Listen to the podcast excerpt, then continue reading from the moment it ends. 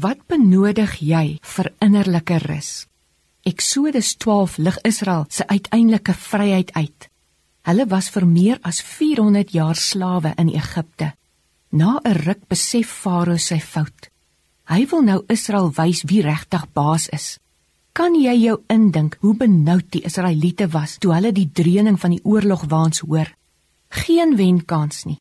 Voor hulle is die see, agter hulle die Egiptenare. Vinnig klaar die Israeliete omdat hulle klaar blyklik in die woestyn gaan sterf. Wat sou jy vir die Israeliete sê as jy Moses was? Kry maar julle klippe reg en veg dapper. Moses sê egter die volgende: Wees nie bevrees nie. Staan vas en aanskou die verlossing van die Here wat hy vandag vir julle sal bewerk.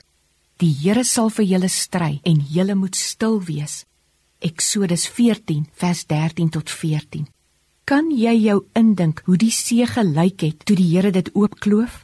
Israel trek op droë grond deur die Rietsee. Nadat al die Egiptenare ook in die see was, het die Here die water beveel om terug te keer soos voorheen. Die Egiptenare se waans het in die sand vasgesteek. Hulle het verward geword en besef dat die God van Israel teen hulle veg. Hulle het in die see verdrink. Eksodus 14 vers 25 kan jy gebruik om dit te vergelyk. God veg nog steeds vir sy kinders soos in Moses se tyd.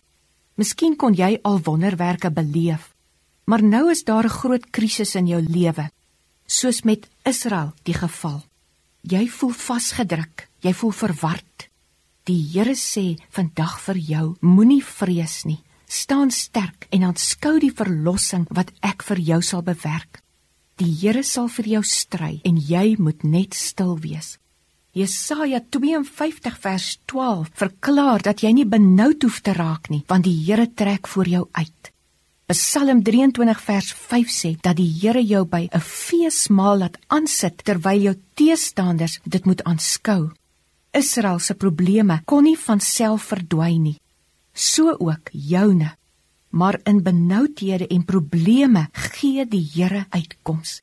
Vestig dus jou oë op Jesus nie op jou uitdagings en op jou probleme nie. Voed jou gedagtes met sy goedheid en sy guns. Die Here veg vir jou. Daar is ook 'n droë pad vir jou wat wag. Al lyk jou situasie hoe kommerwekkend en al is jou vyande 'n oormag, voor die Here is hulle niks. Staan sterk en aanskou die verlossing wat die Here vir jou bewerk om jou te kwel help nie en dit kan nie eens jou lewe verleng nie. Amen.